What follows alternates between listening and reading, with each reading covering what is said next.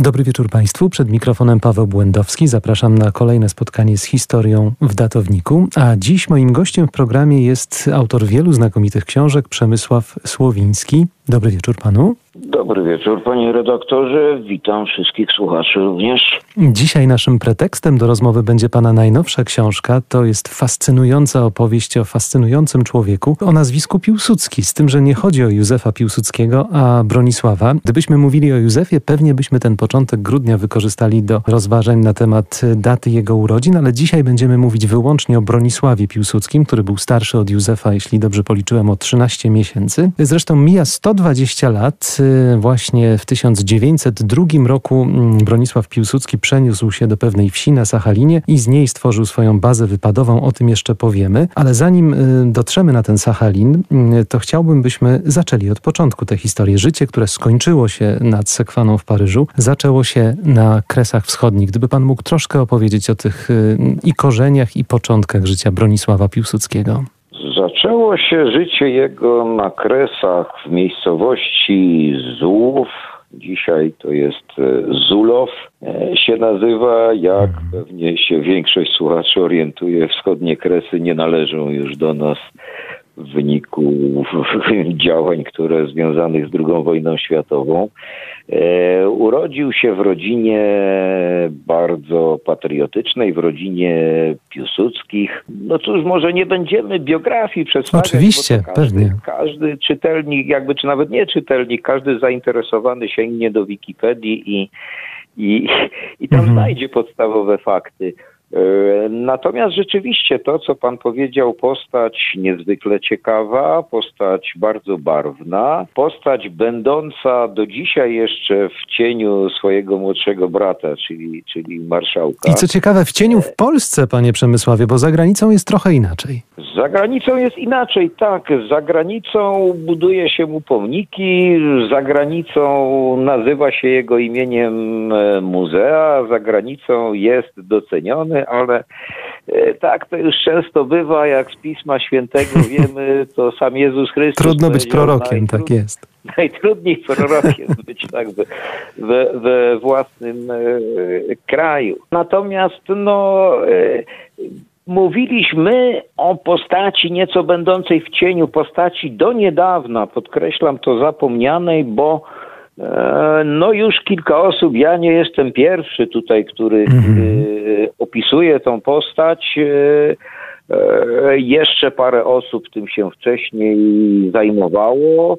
Natomiast, no, no tak jeszcze lat, lat temu, powiedzmy tam 10 czy paręnaście, była to postać zupełnie nieznana, a sądzę, że dla wielu i do dzisiaj jest też nieznana. Co najbardziej pańskim zdaniem różniło ym, tych braci od siebie, Józefa i Bronisława? Tam przytacza pan w książce taką historyjkę, kiedy oni płyną łódką, ta łódka zaczyna tonąć i kiedy Bronisław chce wzywać natychmiast pomoc, Józef y, mówi, ale to będzie trochę wstyd, jak zaczniemy prosić o pomoc, a Bronisław odpowiada, inaczej się utopimy, musimy wołać o pomoc. Czy to jest charakterystyczny rys ich charakterów? Tak, ich różniło, no nie powiem wszystko, bo to by zakładało jakiś konflikt totalny pomiędzy braćmi, a tak nie było, ale były to osoby o zupełnie innym charakterze, e, impulsywny, odważny do szaleństwa czasami Józef i bardzo spokojny, stonowany Bronisław. e, Dwie totalnie, może nie totalnie, Mhm. ale, ale bardzo znacznie różniące się charakterem e, postaci i różne ich były też drogi życiowe. Jak to się stało, że Bronisław Piłsudski trafił y, na zesłanie? Zresztą ta historia, którą pan opisuje w prologu tej książki, gdzie przedstawia pan tę podróż, okrutną podróż pod pokładem statku i to podróż trwającą wiele, wiele tygodni, też nam daje do myślenia, jak wiele ten człowiek przeszedł i jak łatwo mógł się załamać, kiedy znalazł się już na tym zesłaniu, a jednak się tak nie stało.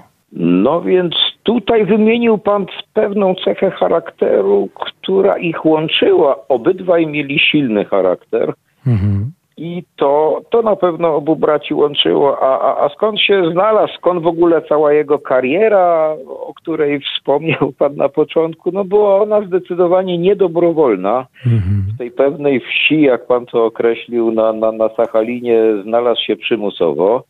E, Otóż Bronisław Piłsudski, zresztą obydwaj Piłsudscy, zostali zamieszani w zamach na cara Aleksandra. zostali skazani na karę śmierci, którą to potem karę im e, na szczęście zamieniono. Józefowi na 5 lat, Bronisława uznano za bardziej zaangażowanego w ten zamach, dostał 15 lat katorgi. Tak, na marginesie wspomnimy, że kilka wyroków śmierci tam też, chociaż zamach był całkowicie nieudany, nic się carowi nie, nie stało. Tak zanim cokolwiek spiskowcy zdążyli zrobić, to zostali przez ochranę nakryci, aresztowani, spacyfikowani. E, ale wyroki były surowe, bo poprzedni car został przez Polaka, notabene Ignatego Chryniewieckiego, rzeczywiście pozbawiony mm -hmm. życia. A w tym zamachu, to tak jeszcze na, na marginesie dodajmy, na karę śmierci został skazany e, niejaki Ulianow, e, brat Włodzimierza Ilicza Ulianowa. Czyli Lenina, tak jest? Tak mm -hmm. jest, posługującego się potem ksywą Lenin. E, i wracając teraz do Bronisława, zamieniono mu ten wyrok śmierci na, na 15 lat i mhm. znalazł się w koszmarnych warunkach. Rzeczywiście to te, te statki, które pływały tam na, e, na daleki wschód, e, nie wszystkie docierały w koszmarnych warunkach pod pokładem. Ci ludzie podróżowali, co jest charakterystyczne dla, dla Rosjan nieco później, a, a właściwie wtedy jeszcze i te kibitki, później bydlęce mm. wagony, które którymi z tychże kresów wschodnich wywożono ludzi i, i tak dalej, ale to zupełnie inna, inna historia. Został zesłany na Sachalin, to taka wyspa na, na krańcu świata. Dalej się już nie da dalej rzeczywiście, dalej rzeczywiście y, y, ciężko i, i tam jak ktoś powiedział, miał, który, który zapomniałem w tej chwili, któryś z jego przyjaciół, że miał dwa wyjścia, albo się poddać i zginąć, albo starać się przetrwać i, i znaleźć jakieś możliwości przetrwania, a a mówiłem, wspomniałem przed chwilą o, o charakterze, że, że człowiek miał charakter, bo niewątpliwie miał, ale psychikę z kolei Bronisław miał bardzo taką delikatną. No, dla, dla takich ludzi, dla, dla nikogo nie jest łatwo tak. zesłanie w ciężkich warunkach, a dla ludzi o delikatnej psychice jeszcze ciężej niż niż dla innych. I rzeczywiście tak się stało, że ten pomiatany, ten zesłaniec będący nikim po pewnym czasie sam gubernator Sachalinu zwracał się do niego, szanowny panie, y, w listach, o czym pewnie za chwilę dopiero opowiemy, skąd to się wzięło. Skąd w ogóle w Bronisławie Piłsudskim wzięła się ta żyłka etnografa? Wiadomo, no przymus y, sprowadził go na Sachalin, ale przecież mógł tam zająć się czymś zupełnie innym. Dlaczego wybrał właśnie tę drogę? Może czuł jakieś powinowactwo z tymi ludami, powinowactwo bardziej psychiczne oczywiście niż y, związane z czymś innym. Chyba trochę empatia, mhm. bo e, Zdradźmy może już w tym miejscu, z czego jest, bo to właściwie ciągle jeszcze chyba. Tak, nie, ciągle nie uchyliliśmy nie rąbka tej tajemnicy. Tak. E, Bronisław Piłsudski jest słynny w świecie ze swoich badań etnograficznych, ginących ludów Y, tych terenów, y, Niwchów, y, Oroków, a przede wszystkim ludu Ainów. Ainów tak. E, unikalne rzeczywiście badania. Etnograf, który nie był z wykształcenia etnografem, który w ogóle nie skończył zresztą żadnych studiów, a a który do takiego poziomu w tym swoim, w cudzysłowie, amatorstwie doszedł, że, że doceniali to no, najwięksi naukowcy, najwięksi etnografowie świata, jego jego zakres badań, jego metodologię badań, co mu w tym właśnie pomogło tak zwana chyba obserwacja uczestnicząca. On w odróżnieniu od innych nie był tylko i wyłącznie badaczem, takim chłodnym okiem, szkiełkiem naukowca badającym. On mhm. był uczestnikiem, on z tymi ludźmi się zaprzyjaźnił. E, ba, on wręcz e, żonę miał z, z ludu Ainów. I dwójkę dzieci z nią. Z tak. i, i, dwójkę, I dwójkę dzieci dzieci z nią. E, on był ich takim protektorem, on ich uczył wielu rzeczy, on im pomagał w wielu sprawach, e, on ich leczył. E, także to też jest bardzo ważna cecha tego człowieka, odróżniającego go chyba od wielu innych, między innymi od naszego słynnego badacza Malinowskiego.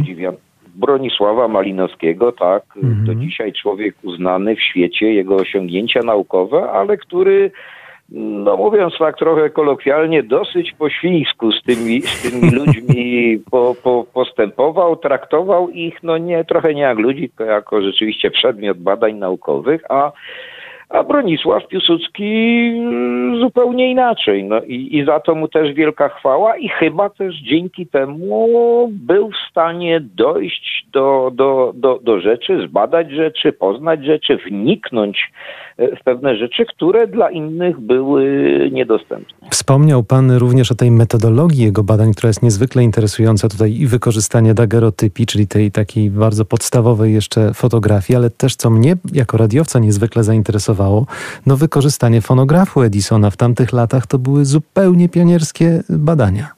Tak, dokładnie. To, to fonograf dopiero co ukazał się, nazwijmy to na rynku, to był bardzo świeży wynalazek, nie, nieznany jeszcze. Mhm. E, Bronisław Piłsudski rzeczywiście był pionierem. To, e, to są słynne tak zwane wałki Piłsudskiego, bo ten dźwięk, na którym tak. on e, na tym instrumencie nagrywał i pieśni tego ludu i opowieści, utrwalając no, kulturę, utrwalając kulturę ginącego ludu, który który już wtedy wiadomo było, że ginie i który praktycznie do dzisiaj no, no, no, no zginął, tylko, tylko przetrwały te rzeczy, co głównie Piłsudski robił. E, a te wałki z nimi, z nimi się wiążą, to były takie woskowe wałki, na których utrwalało się na tym fonografie Edisona dźwięk. Te wałki też mają bardzo ciekawą historię. On po powrocie z zesłania, bo, bo, bo w końcu trochę uprzedźmy fakty, on z tego zesłania wrócił po wielu latach, przywiózł te wałki, e, żył w biedzie, niedoceniony zupełnie zresztą we własnym kraju. Ciężko mu było się dostosować, bo tam jako ten zesłaniec na, na obcej, wrogiej sobie